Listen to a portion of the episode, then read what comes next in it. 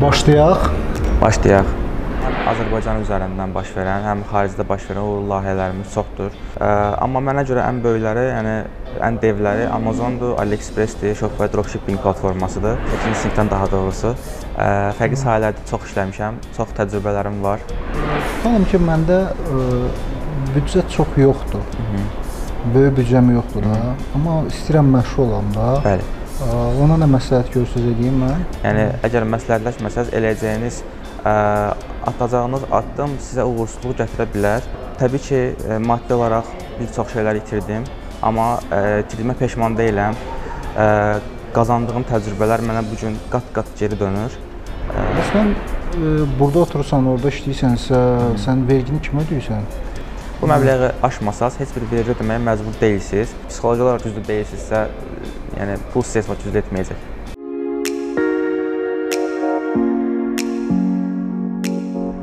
Zülfüqarlı Zaur Faziloğlu 1999-cu ildə Bakı şəhərində anadan olmuşdur. 127 saylı orta məktəbi bitirmiş, İqtisadiyyat Universitetində təhsilini davam etdirmişdir. Barista, avto təmiri və marketinq biznesə dəstəklə bağlı bir çox sahələrdə çalışan Zaur Zülfüqarlı hal-hazırda özünün də qeyd etdiyi kimi e-commerce professionalı və həyatından motivasiya ala biləcəyiniz biri kimi fəaliyyət göstərir. Subaydır.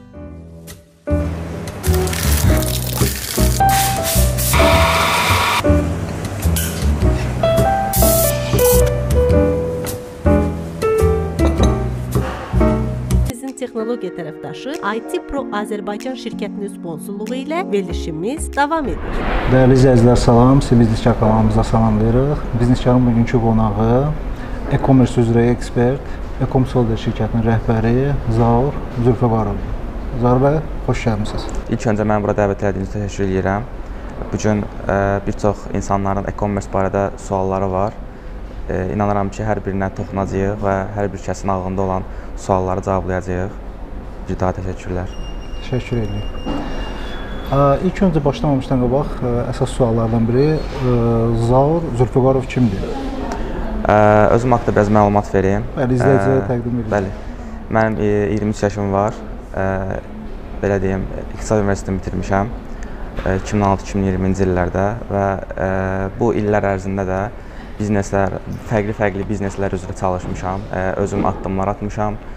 Ə, ilk belə deyim, girişimim, ilk addımım 16 yaşımda olub və ondan sonra da belə-belə davam eləyib. Uğursuzluqlar çox olub. Bugünkü olduğum yerdə e-commerce sahəsində şükürlər olsun ki, çox uğurluyam və beləliklə davam eləyirik. Fərqli-fərqli e-commerce üzrə həm təlimlər veririk, həm özümüz çalışırıq və bu şəkildə davam eləyir.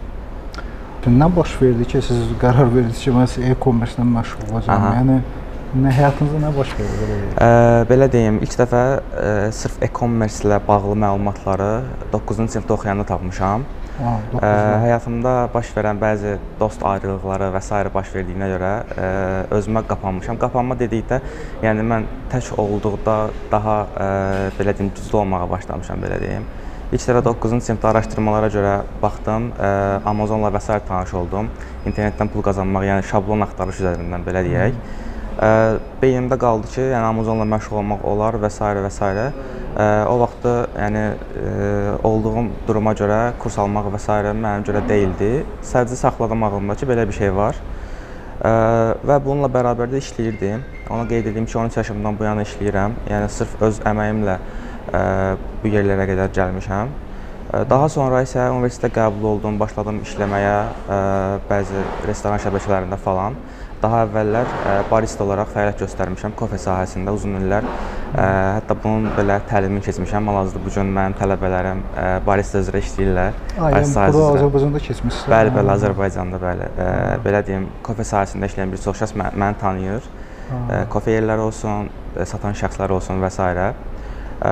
Daha sonra həmin illərdə belə mən yəni paralel olaraq başqa-başqa işlərlə məşğul olmuşam.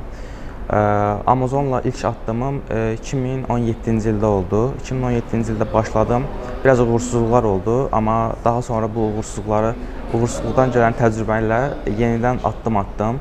Ə, təbii ki, ə, maddi olaraq bir çox şeylər itirdim, amma ə, itirdiyimə peşman deyiləm. Ə, qazandığım təcrübələr mənə bu gün qat-qat geri dönür. ə, və hər birini istifadə edirəm lazımlı yerlərdə. Belə deyim, ə, böyük şəxslərlə ə, networking olsun, öz sahəmdə olsun, digər insanlarla görüşmələrdə olsun və s. çox işimə yarayır. Ə, və 5 illik təcrübəmə görə, yəni Amazonda bu 5 ildə yəni tək bundan yox, digər işlərlə məşğul olmuşam. Yəni paralel olaraq dayanmamışam belə deyim. Çünki ə, onlayn e-commerce ilə məşğul olmaq insanı bəs tənbəlləşdirir. Fiziki olaraq da bir işlə məşğul olmalısınız. Çünki günün 24 saatın ə, çox az bir hissəsini sərf edirsiniz ora. Digər böyük hissəsində digər fiziki işlərlə məşğul olmuşam. Bu şəkildə davam edir hal-hazırda da. Bəli, belə deyək. Baxın, hal-hazırda məsəl üçün Azərbaycandan oturub ə, müxtəlif platformalar var. Bəli, bəli. ki, belə satış eləmək olar. Ümumiyyətlə e-commerce sahəsində nə qədər belə platforma var? E-commerce sahəsində ə, belə deyim, Azərbaycan üzrə yox, dünya üzrə desək, Hə, hə, dünya üzrə də bir çox ə, insanların satış eləyə biləcəyi bir çox platformalar var. Ən böyüyü mənə görə Amazondur bu gün. Daha sonra AliExpress var. AliExpress-də bu gün ə, daha çox toptancılar satış eləyirlər. Yəni Aha. Çində olanlar, Türkiyədə olanlar, hansı ki istehsalçı ölkələrdir. Və daha sonra isə Shopify dropshipping platformasıdır mənə görə. Amma digərləri də var bununla yanaşı. Yəni ən çox Hansısı var məsəl üçün? Ə, məsələn, Wix var, ə, digər yaranan ə, Rusiyada falan yaranan ə, platformalar var. Həmçinin bizdə də var, belə deyək. Amma mənə görə ən böyükləri, yəni ən devləri Amazondur, AliExpress-dir, Shopify dropshipping platformasıdır. Yəni bunlar ən öndə gedənlərdəndir. Gəlin belə eləyək. Baxın, ə, tutalım ki, bax mən bir sıravi bir insan və istəyirəm ki, bu e-commerce ilə məşğul olum. Bəli, bəli. Ə, mən birinci nə etməliyəm? Birinci nə etməlisiniz? Nə etməliyəm? Aha. Belə deyim, ə, Ardıcıllıq necədir yəni? aydındır. Ə, yəqin ki, bizim verdiyimiz təlimlərdən xəbərdarsınız. Bəli, təbii. Ə, bizim təlimlərdə, ə, yəni bizim yanımıza çox şəxs gəlir ki, mən hansı ilə başlayım? Məsələn, biz fərqli-fərqli iş modelləri qurmuşuq. Hansı ki, ən sadəsi Azərbaycanda, yəni Bakı şəhəri üzrə Instagram üzərindən satış eləməkdir, onlayn butik qurub, yəni tam mükəmməl bir formada insanların qarşısına çıxmaq və satış eləməkdir. İkincisi Shopify dropshipping platformasıdır. Bunları həm büdcəyə görə, həm də səviyyəyə görə sıralamışıq. Ə, yəni insanların kapasitesinə görə belə deyək. Üçüncüsü Amazon ə, FBA arbitraj modelidir. Ə, dördüncüsü Amazon FBA private label modelidir. Yəni bunlar artıq ə, sıralama ilə, ardıcıllıqla düzülüb. Belə deyim, ə, hansı ilə başlasam desəz, biz ilk öncə bu sualı verərik ki, nə qədər büdcə ilə başlamaq istəyirsiniz? Yəni biz onsuz da hər şeyi sıfırdan öyrədirik. Yəni bilməyən bir şəxs, sıfır bir şəxs, heç onlayn e-commerce-dən heç ə, anlayışı olmasın, onlara öyrədirik. Yəni burada artıq seçim ə, sizin büdcəniz təyin edir sizin seçiminizi. Ə, ən sadəsindən dediyim kimi Instagramda ən yüksək isə Amazon Private Label-dır, hansı ki burada milyonlara qədər qalxan bir rəqəmlər var. Yəni bu rəqəmlərə qalxmaq da çox rahatlaşır artıq qalxdıqca. Təbii ki, büdcə də tələb eləyir. Yəni qaçılmaz bir şeydir. Böyük bir şey əldə etmək istəyirsə, qazanmaq istəyirsinizsə, büdcəniz mütləq olmalıdır. Ə, Belə deyək, ə, FBI dediniz, bir də dropshipping dediniz. Nədir bunların fərqləri? Fərqliləri nədir? Fərqlər nədir? Ə, dropshipping anlayışı belədir ki, ə, drop və shipping sözü var burada. Drop ə, havada olan bir anlam verir. Yəni əlinizdə olmayan bir məhsulun sadəcə şəkillərini yükləyərək saytınıza satışa çıxardırsınız. Deyək ki, hər hansısa bir məhsuldur, sayta yüklənib, əlinizdə yoxdur sizin Ha, saytınızda. Ambar yoxdur da yəni. Ambar yoxdur, stok yoxdur yəni. Məhsul sizdən alınandan sonra, satılandan sonra yəni sizin məhsulunuz, ə, hansı ki həmin məhsulu hardan ki şəkillərini götürüb yükləmişdiniz, həmin oradan alıb ə, alıcıya göndərirsiniz məhsulu. Ha, Və beləliklə, bəli, bəli, siz ortada olan bir vendor kimi olursunuz. Ə, FBA nə deməkdir? Amazon FBA e, belə deyək, termini var. Fulfillment by Amazon deməkdir. Yəni hər şey Amazon tərəfindən yerinə yetirilmə metodudur. Burada artıq siz stok saxlamalısınız. Məhsullarınızı Amazon ambarlarına yerləşdirirsiniz. Amazon bu gün 17 fərqli ölkədə satış həyata keçirir, keçirir. Fərqli-fərqli ölkələrdə platforması var. Həmin ölkələrin hər birində də deposu var. Həmin məhsullarınızı hansı satışa çıxardacaqsınız, onları göndərirsiniz Amazon depolarına. Amazon sizin üçün onları saxlayır, yerləşdirir, müştərilərə göndərir. Ə, Müştəri problem yaradarsa, ə, müştəri problemləri ilə məşğul olur, geri qaytarılma məşğul olur və s. Bütün bunları ə, ortalama olaraq FBA kimi qruplar Fulfillment by Amazon Hamısı deməkdir. belə deyək, Amazonun üzərinə düşür. Bəli, hamısı bəli. Sadəcə biz satışı aparırıq. Marketinq qaydalarına uyğun olaraq insanlara daha cəlbedici bir məhsul yaratmalıyıq. Məhsul və qiymət. Bəs yaxşı, bax məsəl üçün m, ə, yaxşı mən yerləşdirdim orada. Yəni təbii ki, bunu yəqin ki Amazon ə, müəyyən bir komissiya alır da, yəni bunu Bəli, bəli, eləmir də, yəqin bəli. ki. Yəni, necə baş verir bu Ə, proses? Bu necə baş verir onu deyim. Satışdan sonra baş verir. Tutaq ki, bir biz mə- bir məhsulu ə, yerləşdirmişik 20 dollara, atıram X bir məhsuldur. Ə, bunun çəki, ə, qiymət və ölçüsünə uyğun olaraq Amazon bir fi təyin eləyir. Ortalama olaraq 20%-ə qədər qalxır bu, qiymətin 20%-nə qədər qalxır. Bu fini artıq sizdən satış eləyəndən sonra kəsir. Deyək ki, 20 dollara satdınız, 20% ortalama olaraq 4-5 dollar eləyir. Yəni ə, təqribi deyirəm. Ə, Həmin 4-5 dollar satışdan sonra artıq sizdən alır. Qalan sizin ə, maya dəyərinizi və sizin qazandığınızı sizin hesaba oturur, köçürür. Yəni Amazon balansına yerləşdirir. Və 14 gündən bir olaraq sizin ora qeyd etdiyiniz bank hesabına köçürmələr eləyirlər. Yaxşı, belə deyək. Baxın, ə, tutalım ki, ə, bir məsəl üçün mən səhv eləmirəmsə, Azərbaycandan biz o onu qeydiyyat edə bilmirik. Azərbaycanı yəni qəbul Bəli, eləmirlər. Bəs o necə baş verir? Necə qeydiyyat eləyirsiniz? belə deyim, biz ə, tutaq ki, indi siz gəlmisiniz bizim yanımıza, Amazonda hesab açmaq istəyirsiniz. İndividual olaraq ə, hesab açmaq mümkündür. Sadəcə bir müddət sonra suspend problemi var, hansı ki, ə, bloka blok eləyirlər sizi. Yəni askıya almaq kimi bir şey var Amazonda. Niyə? Ə, individual olan şəxsləri qəbul eləmir. Ə, belə deyim, qeyri-real görünür, qeyri-ciddi görünür və si- belə deyim, hər kəs Amazonda satış elə bilsə, Amazon öz müştərilərinə dəyər verdiyi üçün o dəyəri pozmuş olurlar həmin satıcılar. Müştəriyə saxta mal göndərmək olsun, ə, belə deyək, müştərini məhsulunu gecikdirmək kimi hallar olsun və s. və s. Yəni yəqin bilirsiniz, Amazonun fərqli-fərqli ölkələrdə fəaliyyət göstərməsinin səbəbi odur ki, müştərilərə daha sürətli xidmət versin. Yəni 2 günə çatdırılma, 3 günə çatdırılma, bəzən saatlar içində çatdırılma belə eləyə bilir. Ə, bundan ə, savayı sizin individual olaraq qeydiyyatdan keçməyiniz Amazon üçün yəni xeyir deyil ki, ziyandır. Çünki müştərilərini itirə bilər bu halda. Tutaq ki, mən sizdən məhsul aldım, siz mənim məhsulumu gecikdirdiniz və yaxud saxta məhsul göndərdiniz. Artıq mən narazı qalıram və bir daha Amazonu tərcih eləmirəm. Girib Amazondan nəsə almıram artıq. Ona görə individual olaraq bəzi hesablar açılır, bəzi hesablar açılmır. Yəni 10 hesabdan ikisi üçü açılar ya açılmaz bu haldadır. Biz daha çox insanlar üçün şirkət açırıq İngiltərədə. Birləşmiş Krallıqda həmin şirkət üzərindən artıq hesab açırıq. Bu hesab 13 fərqli ölkədə fəaliyyət göstərə bilir və həmin 13 ölkədən hansını istəsəz seçib ora satış eləyə bilirsiniz. Bu formada baş verir. Aha. Deməli, birinci proses oldu ki, açılır. Ə, açılandan sonra həmin şirkət üzərindən siz icazə verirsiniz. Bəli, bəli. Tamam. O əgər aktivləşdirsə başladı işləməyə. Yaxşı, bəs ə, tutalım ki, satışını elədi, hər bir şey yaxşı keçdi. Sonra həmin insan pulu necə əldə götürür? A, buna da, buna da aydın- aydınlıq verim. Və belə deyim, biz şirkət açdığımızda artıq Amazonun gözündə ə, tam rəsmi, real bir satıcı kimi görünürük. Çünki artıq bizim şirkətimiz var. Şirkət Hüquqi olaraq şəxs kimi də Bəli, bəli. E, şirkət olaraq ə, Amazon qarşısına çıxırıq. Amazon bizi qəbul edir, hesabımız açılır, hər şey hazırdır. Və bununla yanaşı, şirkətlə yanaşı biz ə, 50-dən çox məzənnəni özünə birləşdirən Wise adlı bir bank var, İngiltərə bankıdır. Wise. Bəli. Həmin ə, bank hesabını açırıq. Bu da şirkətə bağlı olur təbii ki, yəni şirkət hesabı olur. Həmin onun ə, çıxarışı olur, hansı ki, orada sizin şirkət adınız, bank nömrəniz və s. hər şey bir-birini təsdiqləyir. Bunu Amazona təqdim eləyirik və ə, orada olan yerləşən hər bir məzənnənin ayrı-ayrı belə deyək kodları olur. Özümüzə uyğun olanı seçirik. Təbii ki, daha çox dollar və yaxud da İngiltərə poundu olur. Bunu Amazona yazırıq. Amazon artıq 14 gündən bir bu bank hesabına köçürmələr eləyir. Həmin bank hesabının da ə, bank kartı olur. Bu bank kartını Azərbaycana qədər gətiririk. Məsələn, siz sizsə sizə təqdim eləyirik. Daha doğrusu sizin post ünvanınıza gəlir, bağlı bir konvertin içində yapışqanlı formada. Yəni siz şəxsən açırsınız, sizə məxsus olur. Bu formada ə, istifadə edirsiniz. Yəni Bu- normal bir banking yəni- proqramıdır. Yəni bankın kartıdır yoxsa Payoneer sistemidir və yaxud da digər sistemdir? Elə bankın öz kartıdır, Öz bəli, kartıdır. bəli, bəli. Öz kartıdır. Baxın, ə, tutalım ki, biz ə, keçən dəfə Abdullah bəylə danışanda o bəzi ə, digər ödəniş sistemləri ilə bağlı danışdı. Stripe, ə, Stripe, Bəli, bəli, PayPal.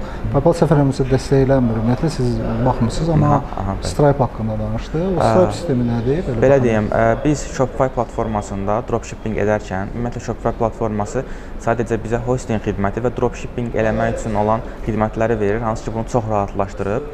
Yəni ə, gedib başqa bir yerdə sayt qurmaqdansa orada qurmaq daha rahatdır. Çünki ə, bütün hər şey tam avtomatikdir. Yəni sizin çox vaxtınız getmədən bir çox əməliyyatı yerinə yetirə bilirsiniz. Ə, Stripe nə üçündür? Stripe insanlardan ödəniş almaq üçün ə, yaradılmış bir third party deyirlər buna. Yəni ə, insanlarla sizin aranızda olan bir banking proqramıdır. Bu nə üçündür? tutaq ki, siz girmisiniz hər hansı bir sayta, baxırsınız ki, ə, ödəniş belə deyək metodları qoyulub. Visa kart, Mastercard, Amex və s. Ə, baxırsınız ki, tam rəsmidir. Checkout hissəsində artıq sizə 3D security kod göndərilir. Stripe bunu təmin edir, yəni sizin üçün. Yəni, insanlarla sizin aranızda olan güvəni tə təmin edir. Stripe insanlara belə bir şey deyir ki, yəni sizin ödəniş ödənişinizi eləyin bu sayta, tutaq ki, sizin saytınıza. Əgər ə, sizin məhsulu satıcı göndərməsə, mən öz cibimdən sizin pulu geri qaytaracağam. Cavabdehəm. Bəli, bəli, cavabdeh. Yəni bir növ sığorta qurur ortada və siz beləliklə satış eləmiş olursunuz. Yəni bir sizin- vaxtlar PayPal-ın elədiyi kimi. Bəli, yəni bəli, eynən eBay- PayPal-ın elədiyi kimi, bəli. Amma PayPal-dan qat-qat rahatdır Stripe. Ə, bu gün insanların daha çoxu ə, PayPal yox, kart kodları yazmaqla bu gün məsələn Apple Pay çıxıb sayta daxil olduq. Sadəcə Apple Pay-i seçib ödəniş eləyə bilirik. Ona görə kart kodları ilə daha rahatdır. PayPal yavaş-yavaş artıq insanların istifadə edəcəyi bir ə, belə deyək, ödəniş üsulu deyil. Ha, Bəli, yəni yavaş-yavaş belə deyim azalır. Yəni belə deyək, dəbdə deyil də. Bəli, eBay də artıq onunla olan ə, müqaviləsini ləğv elədi artıq. Aa. Artıq tamamilə Payoneer sisteminə keçiblər, Payoneer-lə işləyirlər. Payoneer sistemi ə, o da Stripe kimidir, yoxsa Xeyr, tam bir Wise kimidir. Wise kimi? Bəli. Ha, tam fərqlidir. Ə, tamam, baxın, ə, tutalım ki, məndə ə, büdcə çox yoxdur. Böyük büdcəm yoxdur da, amma istəyirəm məşğul olam da. Bəli. Ə, ona nə məsləhət görürsüz eləyim mən? Belə deyim, ə, sizə təklif edəcəyimiz bir neçə şey var. Ə, Instagram kursumuz var. Hansı ki, çox az büdcə ilə Bakı şəhəri üzrə satışlar eləyə bilirsiniz. Bakı və Azərbaycan bölgələrinə. İkinci olan Shopify dropshippingdir. Dropshippinglə başlaya bilərsiniz. Yəni başlanğıc üçün sadəcə sizə ə, 150-200 dollar büdcə lazımdır. Hansı ki, Shopify-ın aylıq ödənişidir, domain evinizdir və reklam xərcləridir. Üçüncü olaraq isə Amazon tövsiyə Amazon FBA arbitraj tövsiyə eləyərəm. Hansı ki 300 dollarla belə başlamaq olur. Biz bizə müraciət edən bir çox şəxsə 800 min dollar deyil- deyirik ortalama olaraq. Bu nədən asılıdır? Sizin seçdiyiniz məhsulun maya dəyərindən asılıdır. Yəni maya dəyəri nə qədər aşağı olarsa, onun ə, 100 ədədi təbii ki, daha ucuz eləyəcək. Nəinki 5 dollarlıq bir məhsul olsa. Yəni hər birinə başlaya bilərsiniz belə deyim. Baxın, ə, tutalım ki, ə, istəyirsiniz az büdcə ilə amma FBI seçməkdə. FBI Bəli, axı əvvəlcədən böyük xərclər yaradır. Böyük xərclər yaratmır heç də. Biz sadəcə belə deyim, insanların daha rahat başlamaq üçün 2-3 cür çeşidli məhsullarla başlamağı üçün 800 min dollar ortalama olaraq deyirik. Amma hal-hazırda tələbələrimiz belə var ki, 300-400 dollarla belə başlaya bilirlər. Çünki seçdikləri məhsulun maya dəyəri ucuzdur.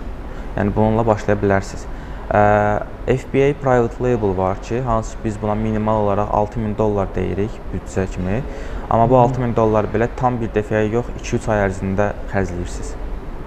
Ha, 2-3 ərzində. Bəli, bəli. yəni.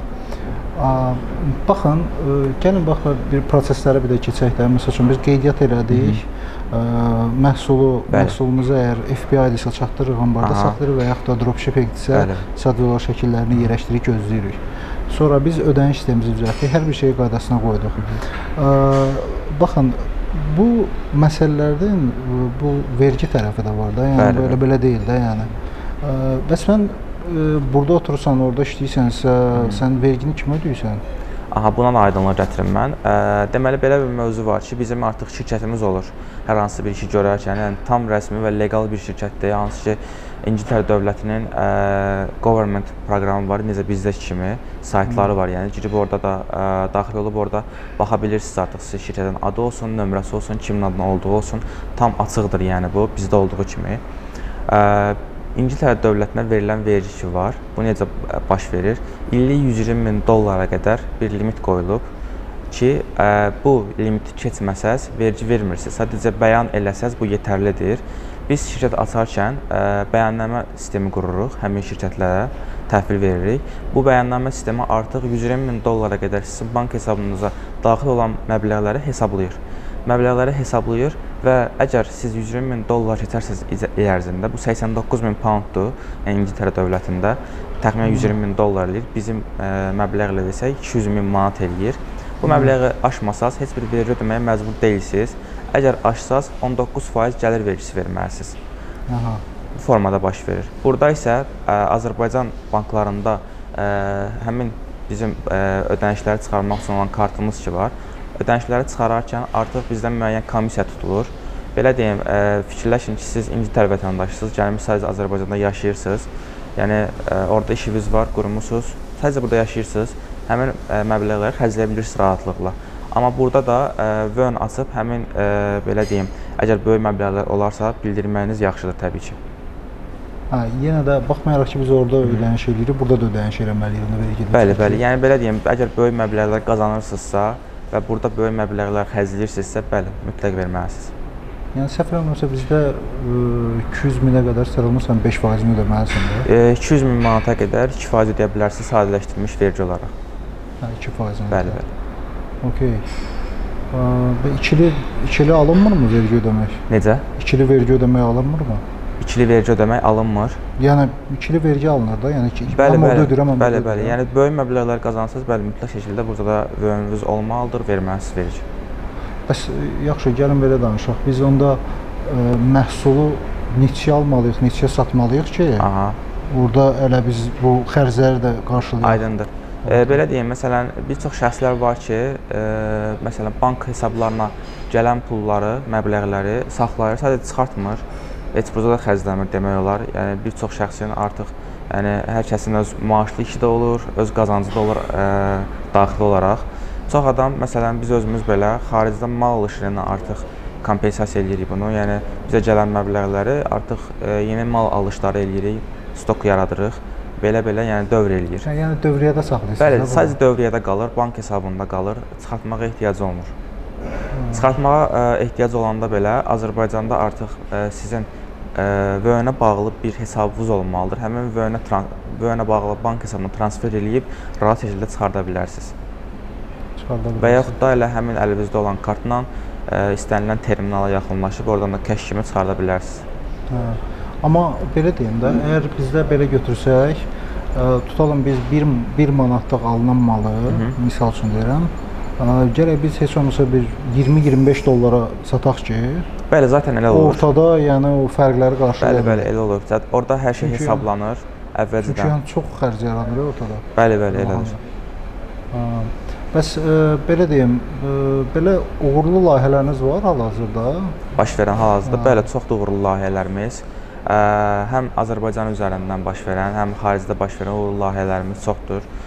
Biz daha çox Amazon private label ilə məşğuluq. Yəni private label Amazonun təməlidir. Private label nə deməkdir? Özəl etiketli məhsul satmaq. Yəni hər hansısa bir Ha, bəli, bəli, bəli, brend öz məhsulu. məhsulumuzdur, bəli. Ə, Çində hazırlanır. Üstündə bizim loqomuz var, trademarkımız var. Yəni o adda məhsulu bizdən başqa heç kəs sata bilmir artıq Amerikada. Ha. Sadəcə biz satırıq. Artıq uzun illərdir bunu satmaqla məşğuluq və davam edir bu şəkildə. Həmçinin də arbitrajla çox sıx şəkildə məşğuluq. Yəni arbitrajın ə, deyərdim ki, ə, gəliri daha sürətli olur private labeldan, amma private label uzun ömürlü bir iş modelidir. Hansı ki, bu iş modeli satıla biləndir hətta. Yəni biznes olaraq insanlar bunu alırlar Amerikada. E, tutaq ki, ə, belə deyim, aylıq 2000 dollar sizin profit verən, xalis gəlir verən bir ə, biznesiniz biznesiniz var, private label üzrə, bir məhsul üzrə olur bu daha çox. Bu biznesi 1 il davam etdirə bilsəz, aylıq 2000 dollar xalis gəlirlə ə, bir ilin sonunda artıq ən az 100 min, 120 min dollara sata bilirsiniz bunu. Yəni bu ə, insanlar var ki, hansı ki, aqreqator adlandırırıq onları. Yəni onlar alırlar bu biznesləri, başlayırlar yenə inkişaf elətdirməyə, özləri üçün bir ə, dəyər yaradırlar. Hə. Ə, Belə deyim, bax tutalım ki, mən səhv eləmirəmsə, bax Amazonda necə baş verir? Mən özüm bir Amazon müştərisi kimi deyə bilərəm. Ə, Orada hər hansı bir məhsul təqdim olunur və hər hansı bir məhsul təqdim olunanda altda əgər izləyicilər də baxsa görər ki, ə, kifayət qədər çox mağazinlər, yəni öz qiymətlərini təşkil edir. bəli, Təbii ki, bəli. ən yaxşısını göstərir Amazon üstə. Bəs bu rəqabətdə necə çıxmaq lazımdır qabağa? Aha, edeyim var. indi. Rəqabətdə necə çıxmaq Aha. lazımdır?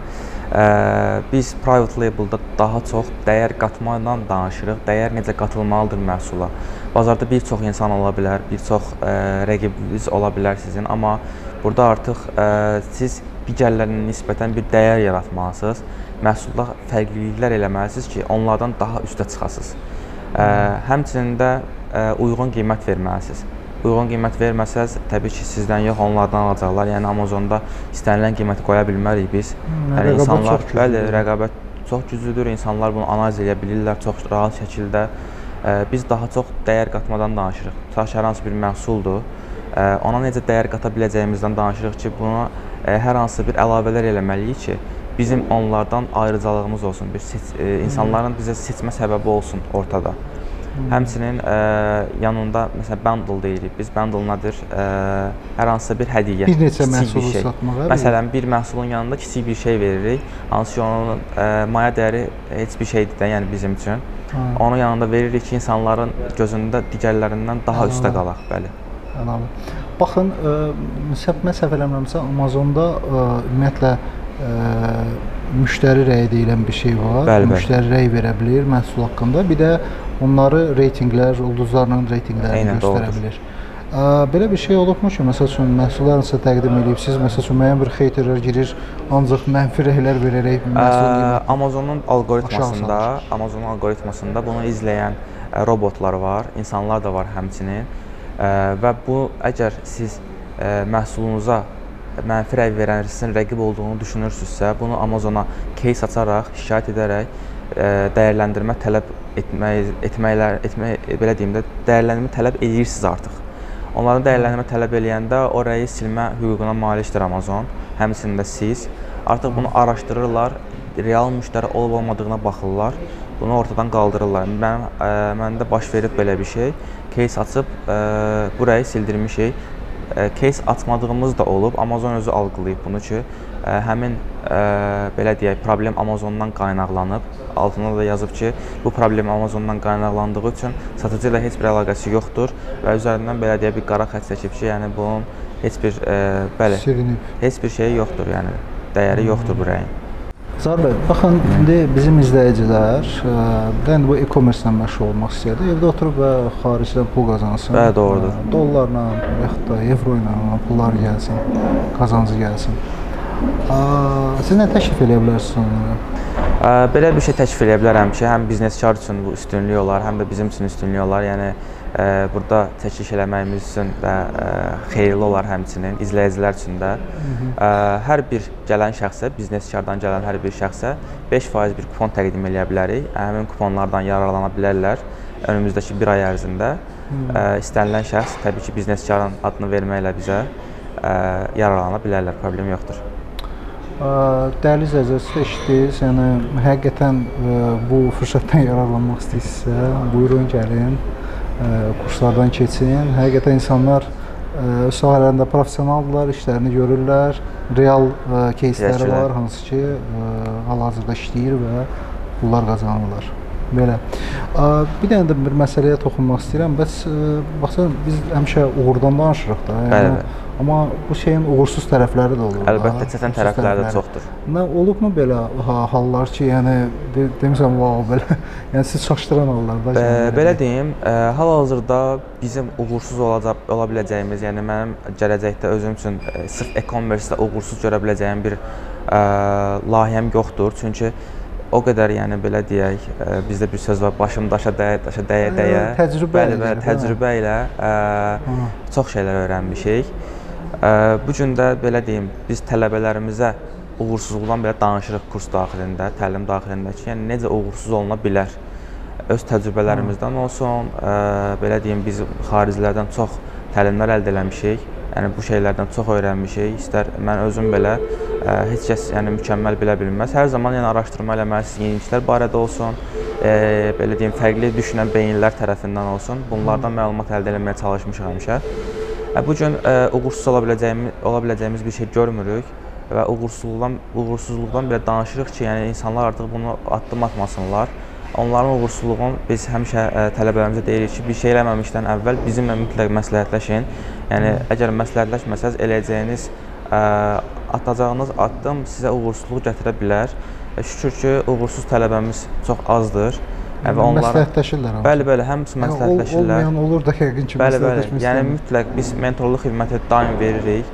Ə, daim deyirik ki, yəni mütləq bizdən məsləhət alın bir şey etməmişdən əvvəl. Hətta bizim yanımıza gələn insanlara belə, yəni bizim üçün önəmli olan təlim satmaq deyil həqiqətən. Yəni insanlara daha çox dəyər verəcəyimiz barədə düşünürük. Bəzən şəxslər, şəxslər olur ki, gəlir, kredit götürəcəm, borc alacam. Qətiyyən belə insanlara, yəni kurs ə, təlim vermirik biz. Yəni deyirik ki, yəni bizə belə bir şey lazım deyil. Yəni ə, ən azından belə deyim, 100% deyil ki, hər kəs uğurlu olacaq. Bəzən insanlar yarıda buraxırlar, bəzən axıra qədər getmirlər. Bu biznesdir də, yəni riskdir. Bəli, bəli, yəni. eynən, eynən. Yəni deyirik ki, bilərsən, belə bir şey yəni gözə almayın. Ə, öz şəxsi maddi büdcəniz varsa bununla başlaya bilərsiniz. Digər şəkildə icazə vermirik biz heç bir halda. Tutalım ki, bax mən gəldim ə, kursu keçməyə. Bunun birincisi müddəti nə qədərdir? İkincisi bu canlı mı dərslər keçilir? Ə, Üçüncüsü mentorluq nə qədər müddət davam eləyir? Ə, belə deyim ilk öncə bütün ə, təlimlərimiz video formatdadır. Video formatda olmağının ilk ə, səbəbi odur ki, insanların həm bu günkü gündə vaxtı yoxdur.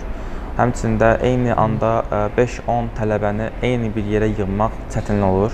Gecikənlər olur, ə, gələ bilməyənlər olur, geri qalanlar olur və s.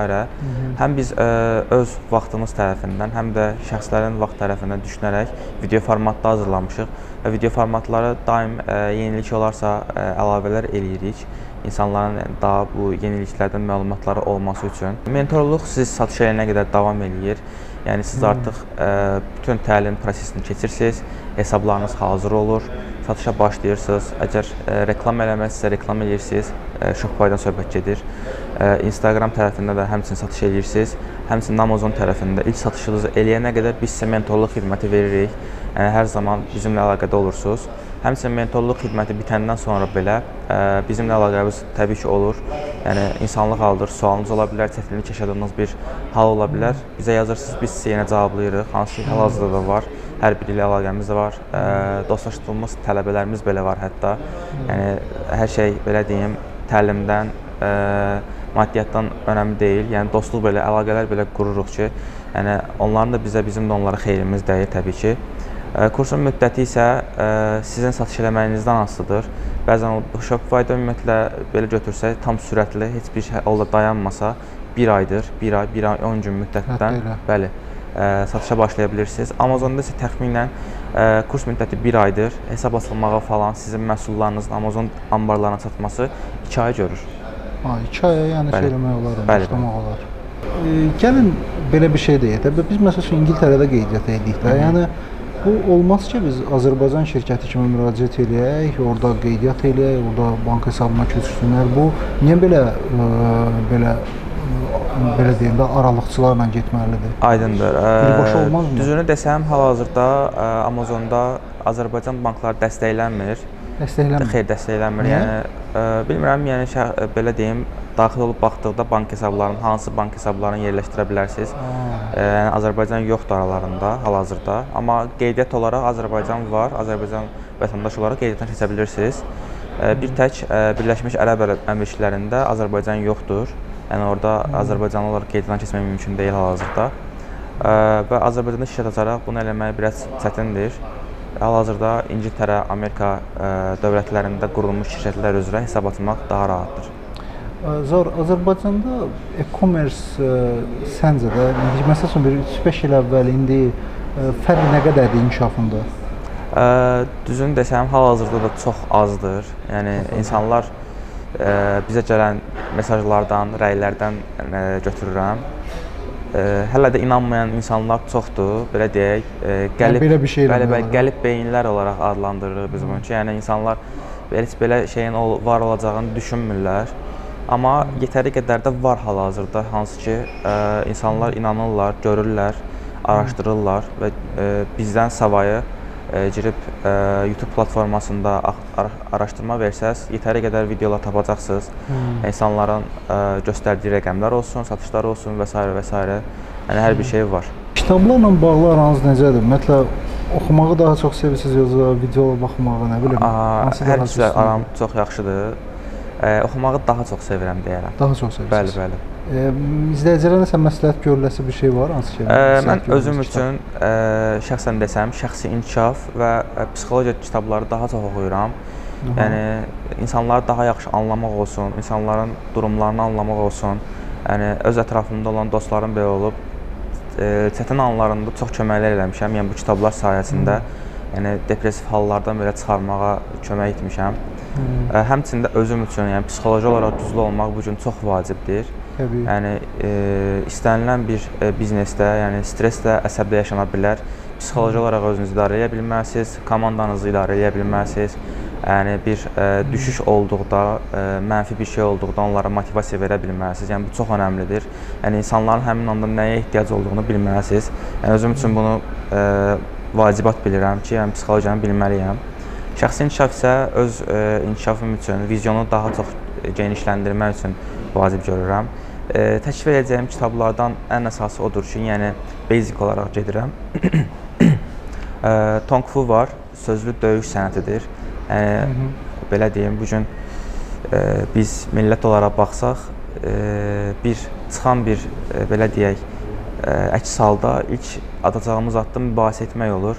Mübahisələrlə necə baş eləyə bilərik? Gündəlik olaraq yaşadığımız, münasibət olaraq yaşadığımız, ailə olaraq yaşadığımız problemlərlə necə baş eləyə bilərik? Yəni bu kitabda hər bir şeydən danışır. Yəni deyim ki, mən bu kitabı oxuyanda elə bilirdim ki, hal-hazırda olan mənim həyatımı görür, ona uyğun yazır. yəni hər kəs üçün belədir. İkinci isə bədən dili oxumaq. Bədən dili də oxumaq çox vacibdir. İnsanları daha yaxşı anlamaq, ə, özünüzü daha düzgün idarə edə bilmək. Ə, istər-istəməz yəni hər kəsin düşdüyü bir durumlar olur. Bu durumlardan necə çıxmaq lazımdır? Qarşınızdakı insanlara necə davranmaq lazımdır? Bu kitab iki kitabı yəni mütləq önərirəm. Daha çox kitablar var. Bunları biz öz Instagram səhifəmizdə paylaşırıq bəzən. Yəni görürlər insanlar. Bəli. Başqa bax, siz özünüz gəncsiniz düzdür, amma müəyyən bir nailiyyətləriniz var, uğurlarınız var. Baxın, bax sizin kimi gənclər hansı ki, deyək ki, universiteti qurtarır. Bəli. Müəyyən universiteti qurtarmır, zaten zor məktəbi qurtarır, birbaşa iş həyatına atılır da.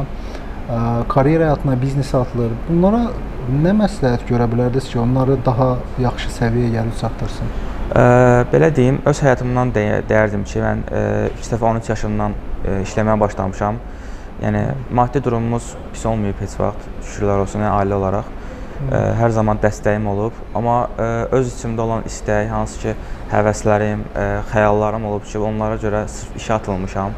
Həm də boş qalmamaq üçün ə, belə deyim, təxminən 8 yaşımdan bu yana işləyirəm. Fərqli sahələrdə işləmişəm.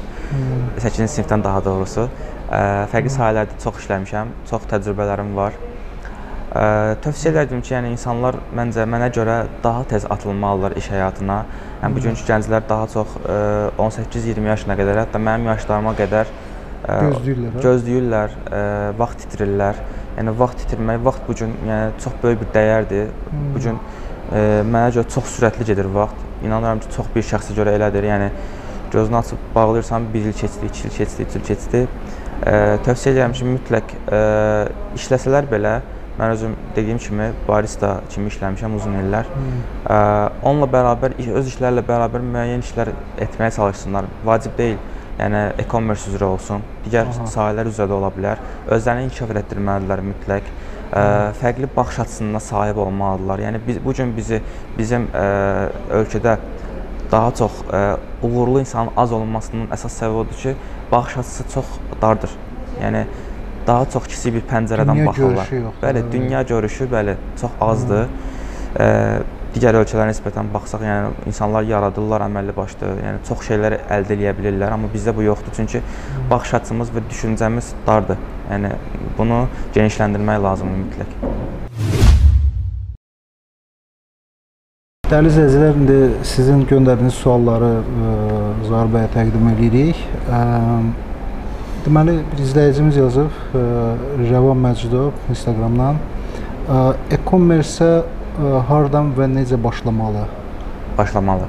Belə bir sual. Aha, ə, e-commerce ilk öncə mən tövsiyə edirəm ki, ə, biz hal-hazırda bizə verilən sualları daha tez insanların sürətli baxması üçün, yəni məlumatlı olması üçün YouTube platforması üzərində videolarımızı hazırlamışıq. Hansı ki, burada artıq biz verdiyimiz xidmətlər barədə, iş modelləri barədə məlumatlandırma vermişik. Geniş məlumatlandırmada düşünürəm ki, gələn suallara əsasən də yeni videolar çəkməyə planlaşdırırıq. İlk öncə tövsiyə edirəm ki, bizdə olmasa belə ən azından e-commerce üzrə Amazon nədir, Shopify nədir, Instagramda satış necə etmək olar, Amazonda satış etmək olar başlıqlı videolar axtararaq, yəni yenə deyirəm, bizdə olmasa belə başqa videolar çoxdur, getərə qədər var. Axtarıb baxa bilərlər və bizə də yazsalar, biz ə, həmin videoların linklərini göndərəcəyik təmənnasız. İkinci bir sual deməli Tərlan Tağıyev Instagramdan soruşur. Ee, 15 min AZN ilə e-ticarətə başlamaq nə qədər uyğundur? Çox uyğundur. Bu məbləğ üçün mən private label önərirəm. Çünki private labelda minimal büdcə olaraq 6000 dollar hədəf qoymuşuq biz. Ə, amma 15 min manat da təxminən 8-9 min dollar eləyir. Ha, 10 minə yaxındır belə deyək. rahatlıqla başlaya bilərlər. Yəni bu büdcə üçün private label çox uyğundur. Və private labelda ə, biz belə deyim, büdcə böyük olsa belə özümüz ə, qarşıdakı şəxs kimi məsuliyyətliyik və bizim ə, üçün onun uğurlu olmağı çox vacibdir. Yəni bu gün bizə ə, uğur göstərmək daha vacibdir. Nəinki yəni ə, ödəniş alıb təlim vermək. Yəni hər bir şəxslə individual olaraq məşğul oluruq ki, hər bir şəxs ə, uğurlu olsun, işi tam anlasın. Yəni onlara da bir dəyər vermiş olaq. Siz deyirsiniz individual məşğulluq. Sizdə ə, Bəli. nə qədər adam var ki, bununla məşğul olan individual? Ə, Yəni çoxdularsa adam necə çatdırırsınız? Bəli, hal-hazırda komandamız 8 nəfər var. Ə, cavablandırmanı ə, sürətləndirmişik, belə deyək. Ə, əvvəldən əvvəldən sürətli idi. Tələbələrin sayı artdıqca komanda üzvlərini də artırmışıq. Hal-hazırda öz tələbələrimiz arasından da seçirik, onları öz aramıza qatırıq. Abdullah bəy də bizim əvvəl tələbəmiz olub, yəqin deyib sizə, bəli. Ə, digər şəxslər də var ki, hansı tələbəmiz olublar, onları öz aramıza gətiririk, bizimlə bərabər işləyirlər. Abdullah bəy əslində çox şeylər çox dəqiqliklə izah eləmişdi hamısını. Bəli, də bəli. sizdən də eşitmək çox yaxşı Aha. oldu. Yəni ən azından bir Yəni bizim e, üçün, peşəkar bir ə, baxış. Bəli, tələbəmiz də yəni uğurludursa, gətiririk öz aramıza, yəni hansı ki işləmək istə- istəyən şəxslər var. Ə, yaxşı maaş qarşılığında bizimlə bərabər işləyirlər. Dostlar, indi tez-tez verilən suallar rubrikasına keçirik. Qeyd edim ki, Zahir bəy tez-tez verilən suallar rubrikası montaja getmir, olduğu kimi verilir. Əla, Qısa zamanda tez cavab vermək lazımdır. olsun. Qısa, tez, biz də tez sualı verəcəyik ki, Tamam. belə. Sevdiyim musiqi janrı. Cavabsız qoymağı tərcih edirəm. Aha. Diplom yoxsa bacarıq? Bacarıq. Sevimli avtomobil markan. BMW. İndiyə qədər çəkilən ən yaxşı kino sənin fikrincə? La Casa de Papel. Ə, Sevdiyim futbol klubu. Barselona. Ə, Baxın, bu biz bütün qonaqlara veririk. Oteldən çıxanda özümüz həmişə nəsə götürürük. Bəli. Nə deyək də uğrayıb çıxırıq. Bəli, bəli. Siz nə uğrayırsınız? Diş fırsatı və pasta. Belə xoşbəxt olmaq ə, sənin üçün nə deməkdir? Xoşbəxt olmaq, ə, mən ümumiyyətlə uşaqlıqdan bəri xoşbəxtəm. Hər zaman yəni özümə bunu demişəm ki, sən xoşbəxtsən. Hər zaman güzgə baxanda da özümə bunu demişəm və hər kəsə tövsiyə edirəm ki, bu enerjini özünüzə verəsiniz. Xoşbəxt olmasanız belə mən xoşbəxtəm deyin, çünki kainat sizi dinləyir. Eşidirəm. Ə, bəli, bəli. Yəni ailəniz varsa, sağlamsınızsa, bu gün əliniz ayağınız tutursa tam sağlam formada, həqiqətən xoşbəxtsiz. Təşəkkür edirəm. 9 vur 6 bərabərdir. 54. 9 vur 6 54. Yaxşı qurtardınız. İlk sevdiyin insanla harda tanış olmusan? Bağça, məktəb, universitet, nə bilim, Məktəb, iş həyatı, məktəb, bəli, bəli. Okay. Əgər yoluna telefonla gedənlərə necə baxsan? Normal. Özüm belə gedirəm. bəli. Ə, bax, bir dənə bir fəlsəfi bir sual. Aha. Bax, niyə ə, insanlar metroya girəndə Bəli. qapının ağzında dayanırlar da içəri keçmirlər? Məncə daha rahat yer olduğu üçün və ə, oğlanlar desək, yəni onsuz da bilirlər ki, yer verməyə məcburdurlar. Ona görə ən rahat oradır. Məcburiyyət qarşısında. Bəli, Amma bəli. ortada boş qalır. Ortada boş qalır bəli. İndiyə kimi qazandığın, bir dəfəyə qazandığın ən böyük məbləğ. 10 min dollar. Bəs indiyə kimi itirdiyin ən böyük məbləğ?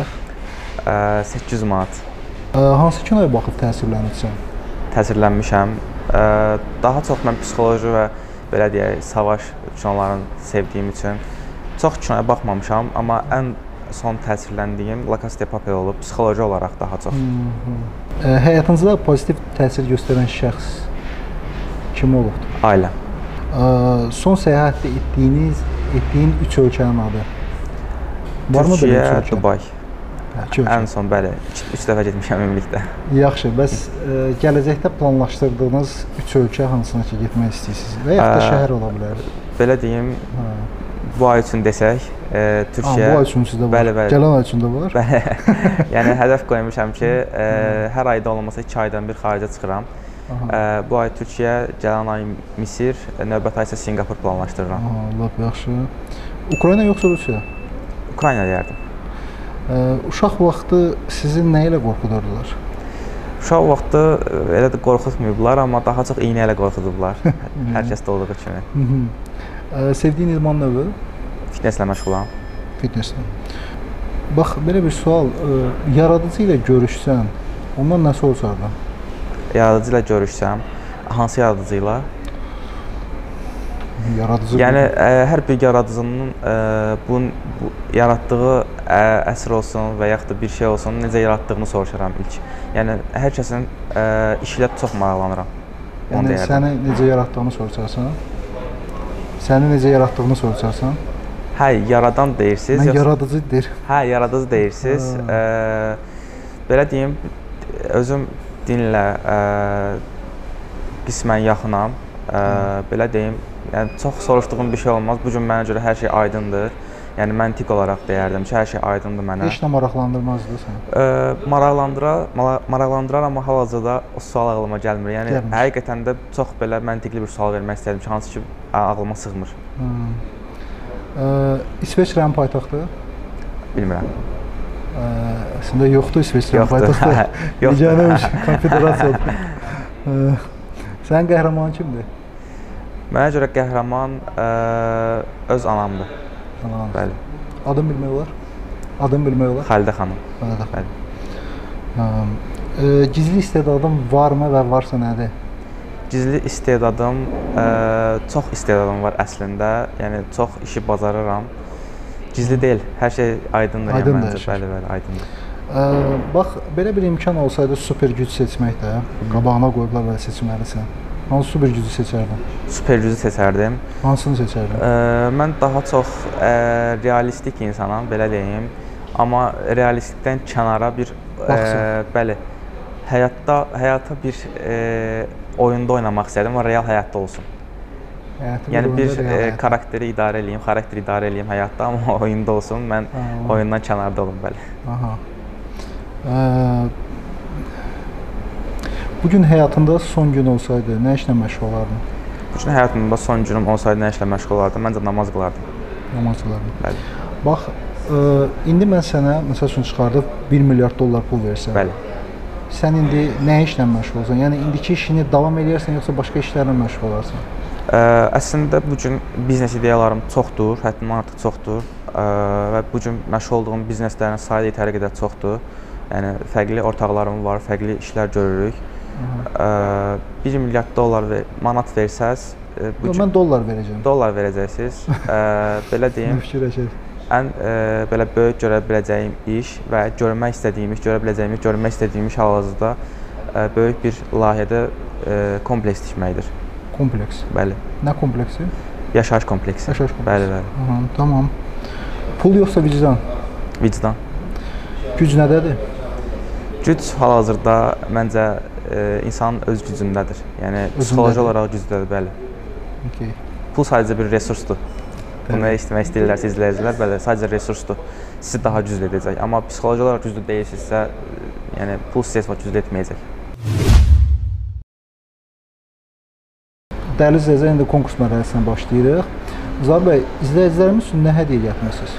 Əslində ə, mən bunu tam nəzərə almamışdım. Xanım mənə demişdi əvvəlcədən, unutmuşdum. Amma hal-hazırda ə, beldən asılan bir çanta verəcəm. Hansı ki, özümə çox dəyərli almışdım.